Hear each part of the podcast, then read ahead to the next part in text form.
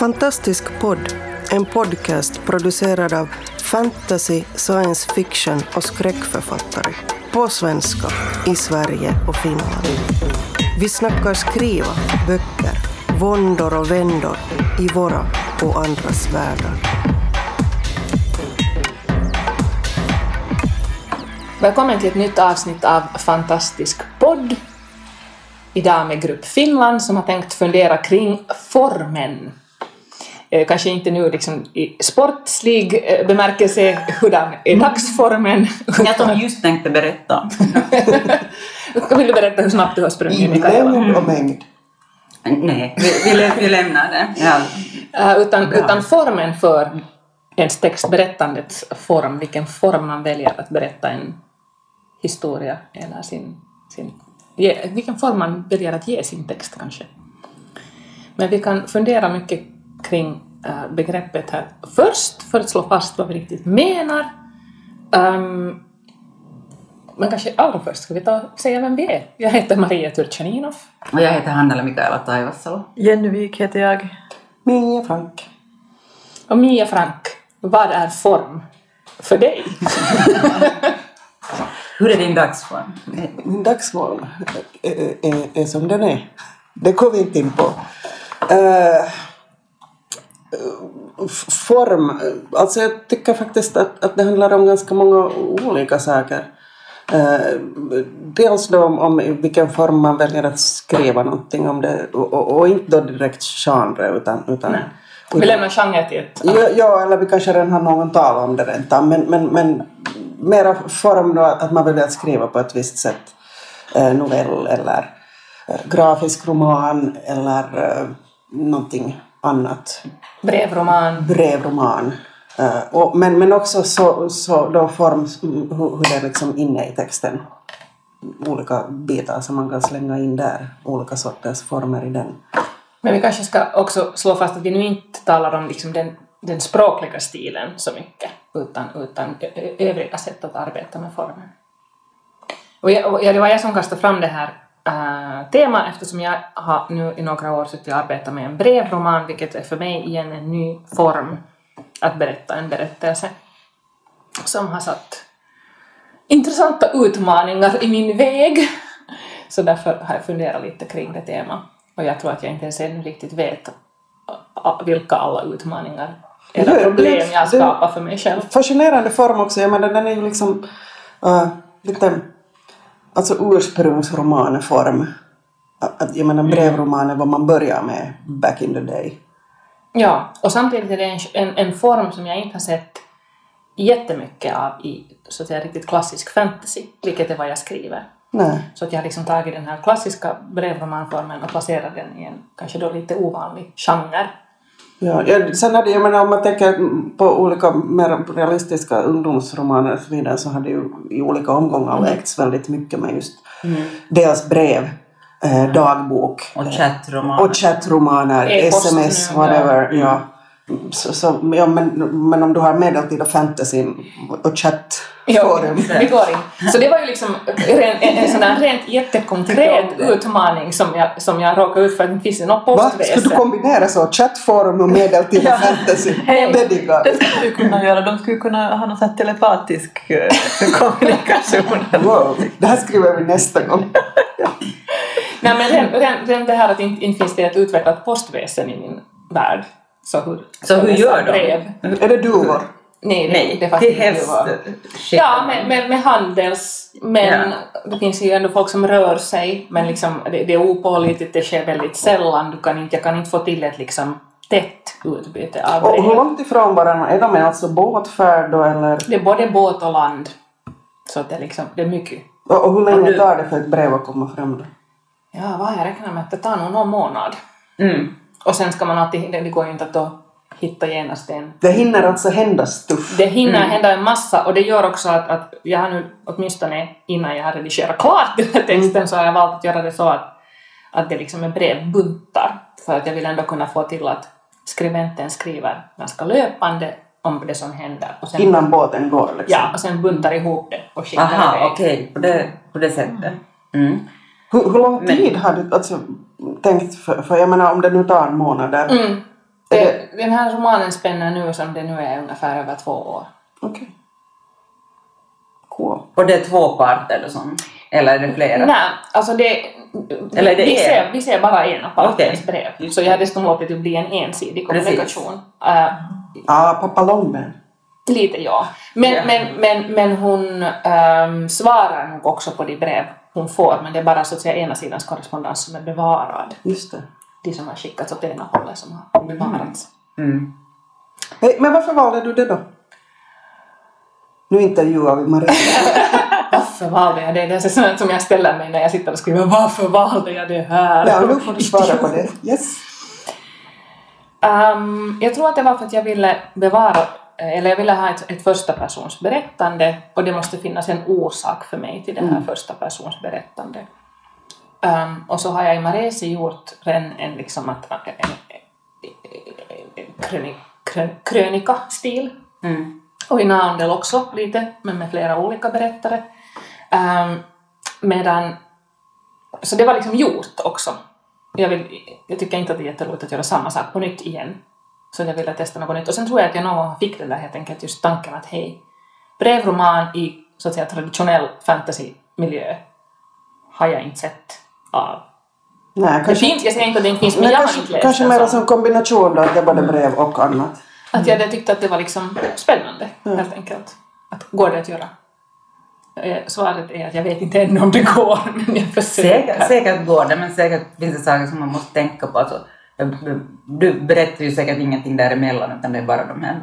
Det är bara breven, ja. Ja. Och bara den här ena sidans brev dessutom. Mm.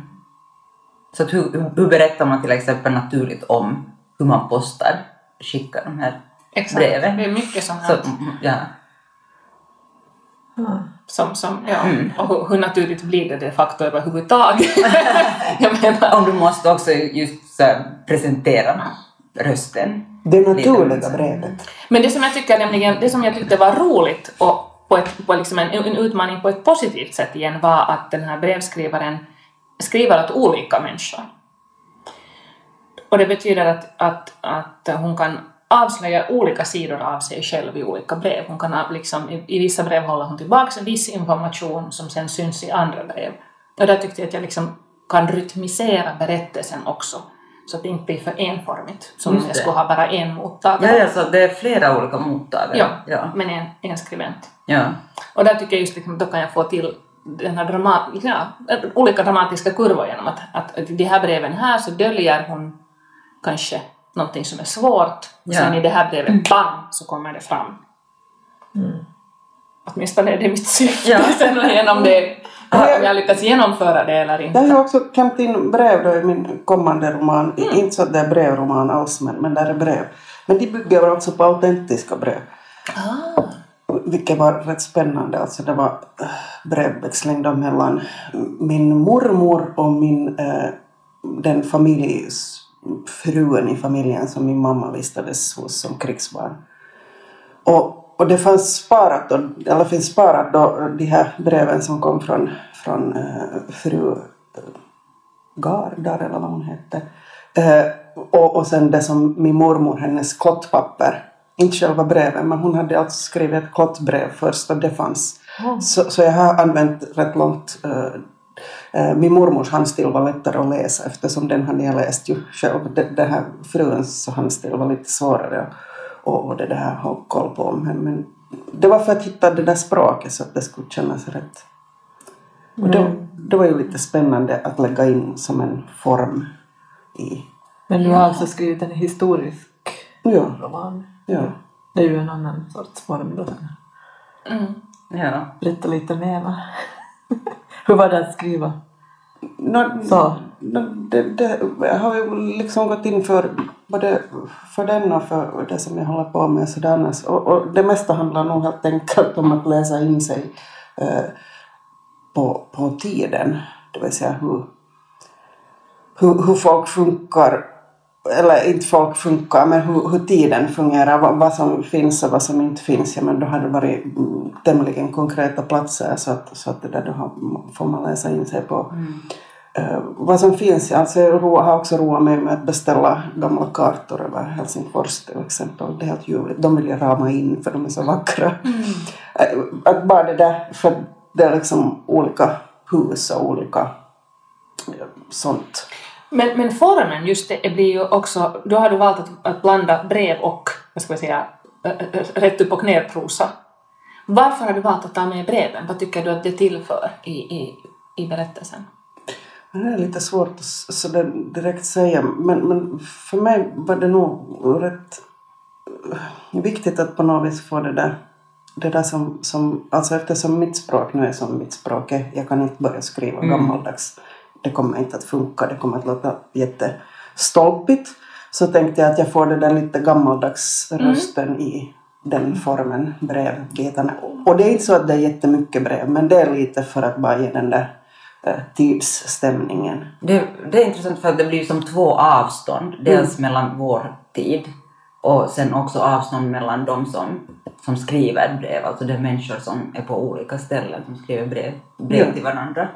Eh, och och då, då liksom blir det dels en tidsmarkör men också, också eh, en markör för den där, det där avståndet som finns mellan två karaktärer inom fiktionen.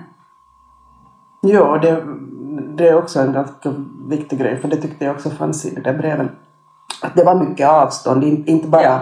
inte bara eh, liksom, eh, geografiskt utan också mellan, mellan de som skrev med varandra. Ja. Att, att det kändes att, att de var väldigt eh, långt ifrån varandra på det viset också att, att den ena hade skickat bort sitt barn och den andra hade tagit emot barnet och att de kanske inte alltid riktigt förstod varandra.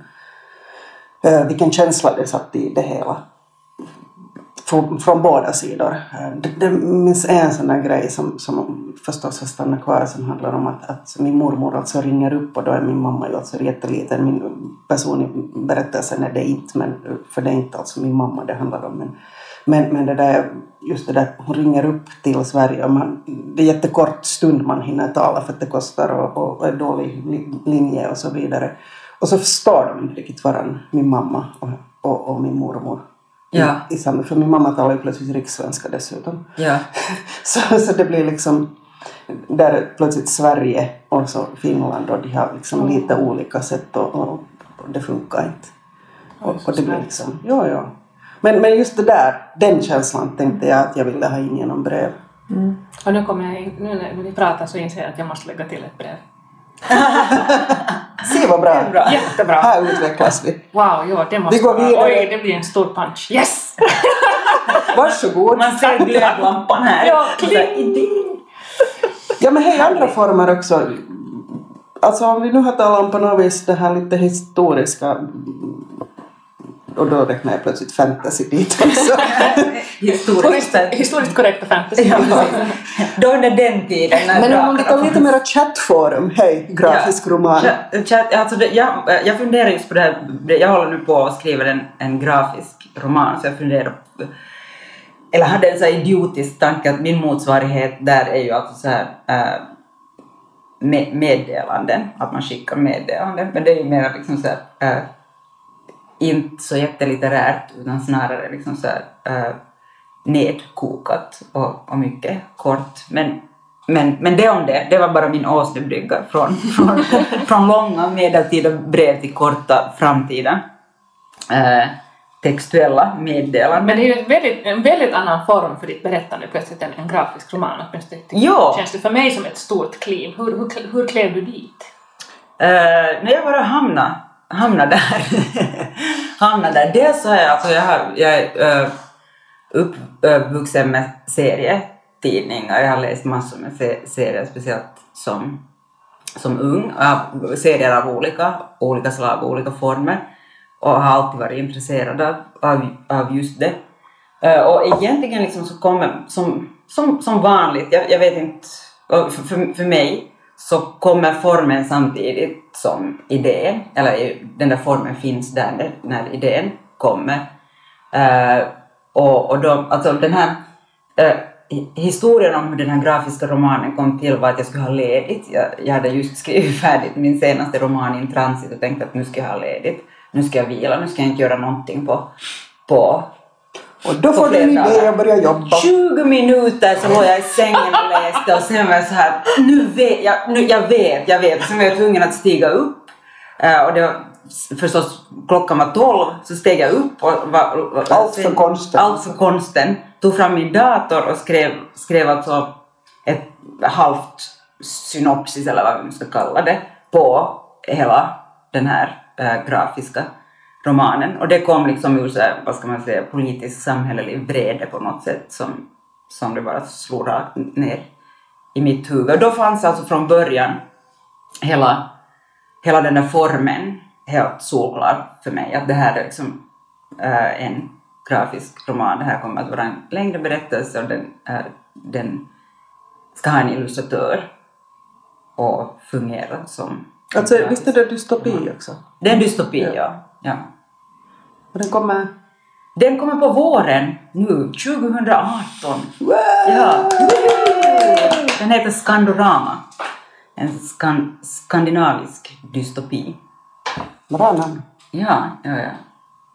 Tycker också. jag säger ödmjukt. Jätteödmjuk. Så, ja, så det, det håller jag på med nu. Eller egentligen så, eh, så skrev jag den färdigt ganska snabbt så jag, jag, jag glömmer ibland att jag har skrivit den. Eller jag vet att jag har skrivit den, jag vet att det finns men jag tror att jag på något sätt har drömt den. Men den, För att det gick finns. snabbt. Men, men, men, men att skriva i den formen, hur upplevde du det att, skriva? Det var jätteskönt eh, för att eh, just för att formen var så annorlunda. Jag tror att det också, jag tror inte, tror att jag skulle ha liksom stigit upp för en roman efter att ha avslutat en roman. Det skulle ha varit så att okej att vi lägger det på, på, på hyllan, jag orkar inte, jag dör. Men det var eh, det, var det som, alltså hjärnan lurade mig på något sätt att börja arbeta eftersom det är någonting annat. Så det är ju nästan som semester då, att man får, får liksom skriva på ett helt annat sätt. Så då, då är det ju nästan som ledigt. Eh, för att, att den här skriver jag annars... jag är egentligen rätt rastlös, men romanen är en form för icke rastlösa människor. Man kan inte vara rastlös i en roman, utan den tar sin tid. Det tar tid att skriva den. Det, det liksom, jag skriver ganska långsamt också, tycker jag. Eller föreställer jag mig. Det känns åtminstone, kanske jag inte på riktigt skriver långsamt, men det känns som en otroligt långsam process. Eh, och det här var lite som att skriva dramatik för att jag skrev Eh, ett manus helt enkelt med liksom bildanvisningar, repliker, textrutor. Eh, så jag fick arbeta på ett helt annat sätt, tänka i bilder, tänka, tänka i handling. Eh, och kanske lite liksom mindre, mindre Nå, nog förstås språk också, men kanske lite mindre tänka i språk jämfört med en roman där jag hela tiden på något sätt tänker, mm tänker i språk och ganska mycket liksom tänker just i termer av handling, bilder, eh, vilket var kanske lite så här små semester för mig. Och, och också just när jag skriver, skriver på det där sättet, för jag skriver aldrig eh, för en roman någon form av synopsis eller storyline eller någonting, utan jag skriver, skriver mig fram från början mot slutet och ser vad som händer. Men här så skrev jag alltså så här en, en storyline.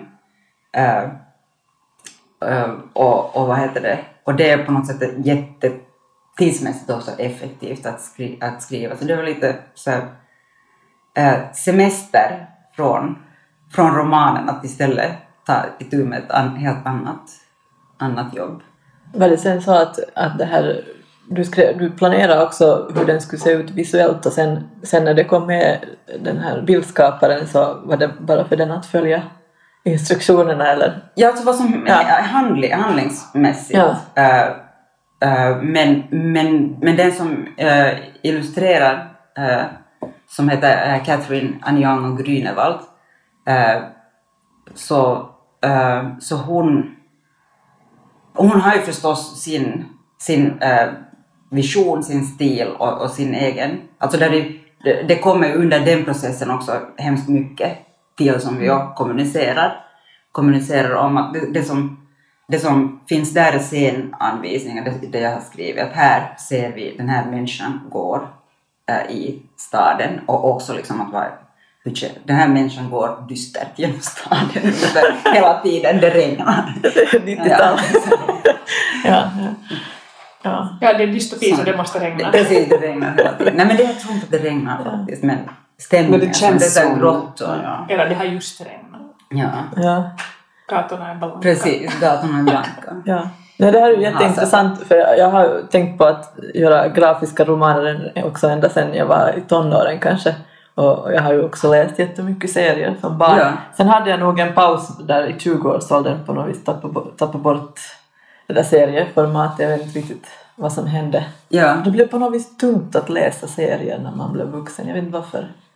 Underligt nog. Men nu läser jag lite mera igen. Men det är för att det på något vis har kommit lite nya just det här nya grafiska romanformatet på något vis som, som är intressant. eh, som man kanske inte läser av samma orsak som man läste serier när man var barn. Nej. Men, men det här, utan att det är någonting lite annat där. Nej, så, så det är intressant det här för mig att höra att hur, hur en författare och en illustratör kan samarbeta. Eh, För att jag har ju då mina egna, mina egna ta- tankar så är ju jag både författare och illustratör. Ja. Så då kommer det lite sådär från, det är mycket så rörigare process. Precis, då ska du Ja. göra allt själv Ja. och i vilken ordning Och problemet för mig är ju att jag har aldrig tid att göra det här färdigt för att jag har, för att jag har så mycket andra projekt så att det sådär rör sig liksom med någon sån här millimeter framåt. Det är en dystopi i sig. Ja, dystopi. Men sen har jag nog också nu helt nyligen också läst ett manus som, som, ska, ska, som ska omvandlas till en- en serie, Just till det. grafisk roman. Eh, där det är mitt eh, uppdrag nu att försöka göra någon slags storyboard av den här Ja. texten som inte är skriven för att vara en grafisk roman från början. Eh, Så att där har, jag- där har jag än så länge bara hunnit läsa igenom och, och liksom tänk, visualisera det i mitt huvud och skissat pyttelite och börjat tänka lite så här på hur man ska kunna göra det här. Men att, men Ja. att det här... eh, Så det är nog alldeles i början. Men det är spännande. För min del i början. Helt olika. Ja. Du, liksom så här, du, du säger att det är så här, lite ostrukturerat och du jobbar med, alltså med din egen. Ja, För då men- kan du ja. jobba, du behöver inte liksom ha något någon Ja. kla, något, någonting som en klar storyline till exempel. Ja, jag har, en, Eller det- jag har ja, en story och allt sånt men att problemet är, är kanske det att, att den här liksom teckningsdelen är så himla arbetsdryg eller Ja. omfattande. Att det är mycket enklare liksom att, det, det går snabbare och enklare att skriva än att, att göra själva sen, sen det här bildarbetet. Så att, så att det, Streckgubbar bara. Ja, no, förstås en storyboard kan också vara enkel men levande grafisk Ja, så det, det har hakat upp sig på det att jag har aldrig tid att göra, Ja. göra färdigt, färdigt eh, den här, det visuella. Men sen det som jag tänkte när du pratade om just det här med att hur, du, hur det påverkar hur man uttrycker sig eller sen hur, hur det påverkar språket. Så för mig känns det sådär som att det skulle vara en sån lättnad ifall jag bara skulle kunna rita miljöerna och rita vissa saker och sen behöver jag inte beskriva det med ord. Utan, utan orden är sen då till, de går liksom till någonting annat.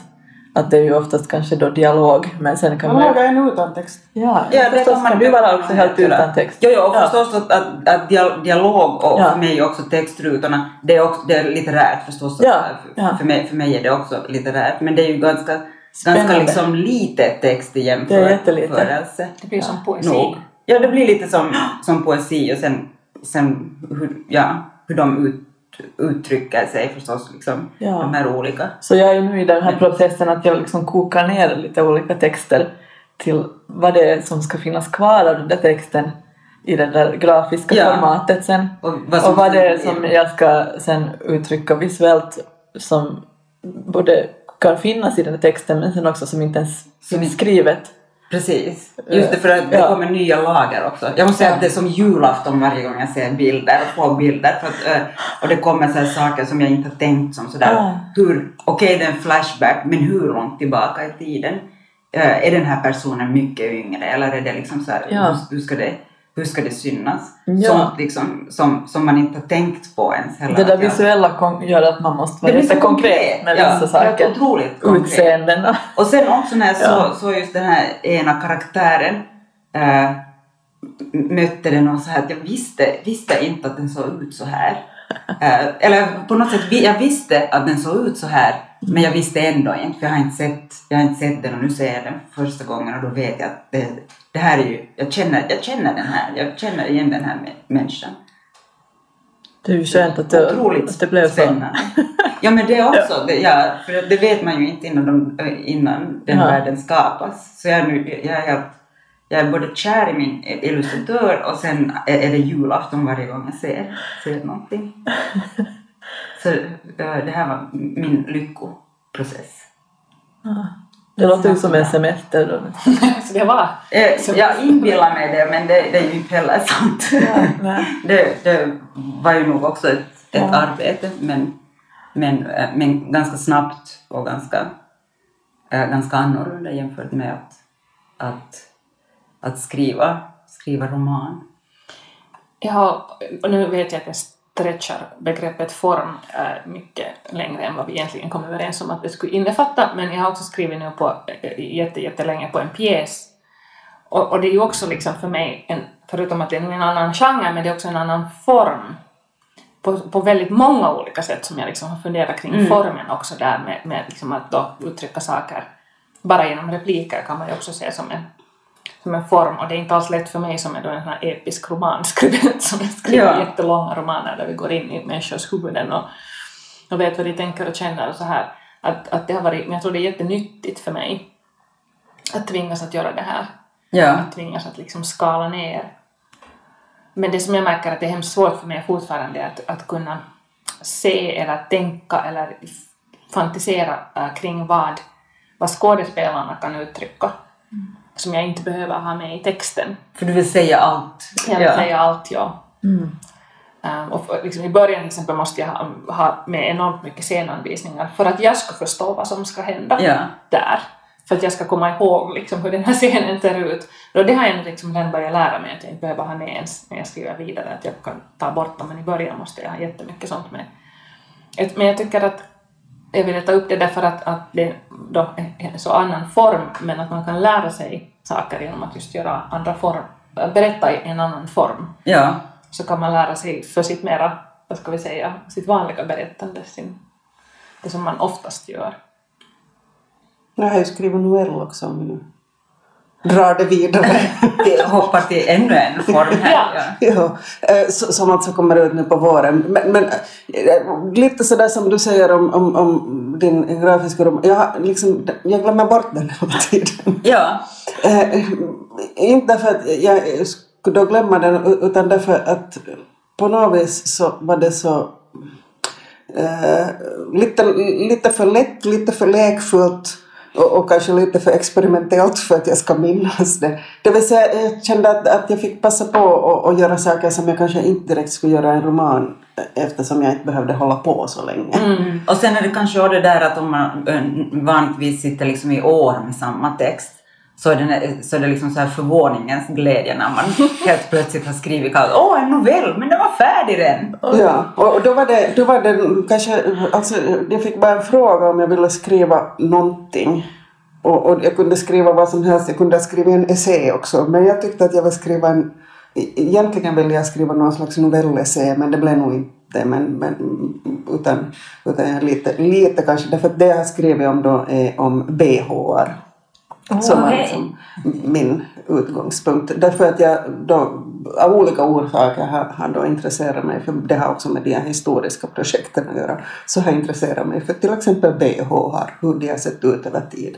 Nu blir jag jätteintresserad. Och, och, och sen finns det dessutom en BH som gjorde att det här blev helt perfekt. Därför att, att satt det perfekt. finns... Nej, det är säkert det också. Men det finns alltså en BH som man kan eh, då plocka isär och använda också som munskydd vid katastrofer. Praktiskt! Sån ska jag ha! Ja, Det den är röd. Ja, åh! Det Ja. låter ju helt perfekt. Och- och där Var får man den? Du måste nog googla den. Nu kommer jag inte ihåg exakt vad den heter. Men man kan kolla det sen i min... Multifunktionella plagg. Man kan kolla det sen ja. i min kommande novell alltså. Eh, just Därför att det. det finns en lista i slutet då, där jag förklarar olika BHRs funktioner. Wow. Och, och det var roligt. Ja. Tänk, oj nej, jag tänkte man skulle kunna ha en bh som kan fungera som kokkärl. Börjar jag tänka på Madonnas Nej men strutar. muggar för två personer. Ja. De tar isär dem och så här tar du. Ja, men det där Madonnas strutar, det måste ju vara en Precis. tratt. Och sen, sen har man innan det så har man sprungit 10 kilometer på 46 minuter. Som var jättesvettiga. Och sen efter det så ska man servera någonting ur sina kupor. Va? Nej, Och då- om- om- Om man Armageddon ammar så är det ju inte svårt. Om Men, men om. Armageddon har hänt så serverar jag nog ingenting tror jag. Ja, nej, men du måste koka vatten så du kan dricka det efter att du har Men sprungit så det är sterilt och är nu, rent och friskt. nu på samma linje. Okej, men så kok. äh, kok. Men det här låter jättebra. För kommande poddar så kan vi tala om BHR För, eller funktionella klädesplagg. Precis. och andra funktionella klädesplagg. Det låter fint. Men ja, det är väl också en typ av form. Ja. Ja. Men det här kommer alltså då också i vår i, i någon jubileumsbok. Du har lyssnat på Fantastisk podd. Om du trivdes i vårt fantastiska poddsällskap och vill ha mer så hittar du äldre poddar och information om oss som deltar på vår hemsida under fantastiskpodd.se och på vår Facebook-sida Fantastisk podd. Har du frågor eller förslag på vad du tycker att vi ska tala om, hör gärna av dig antingen på Facebook eller via kommentarer på hemsidan. Vi hörs!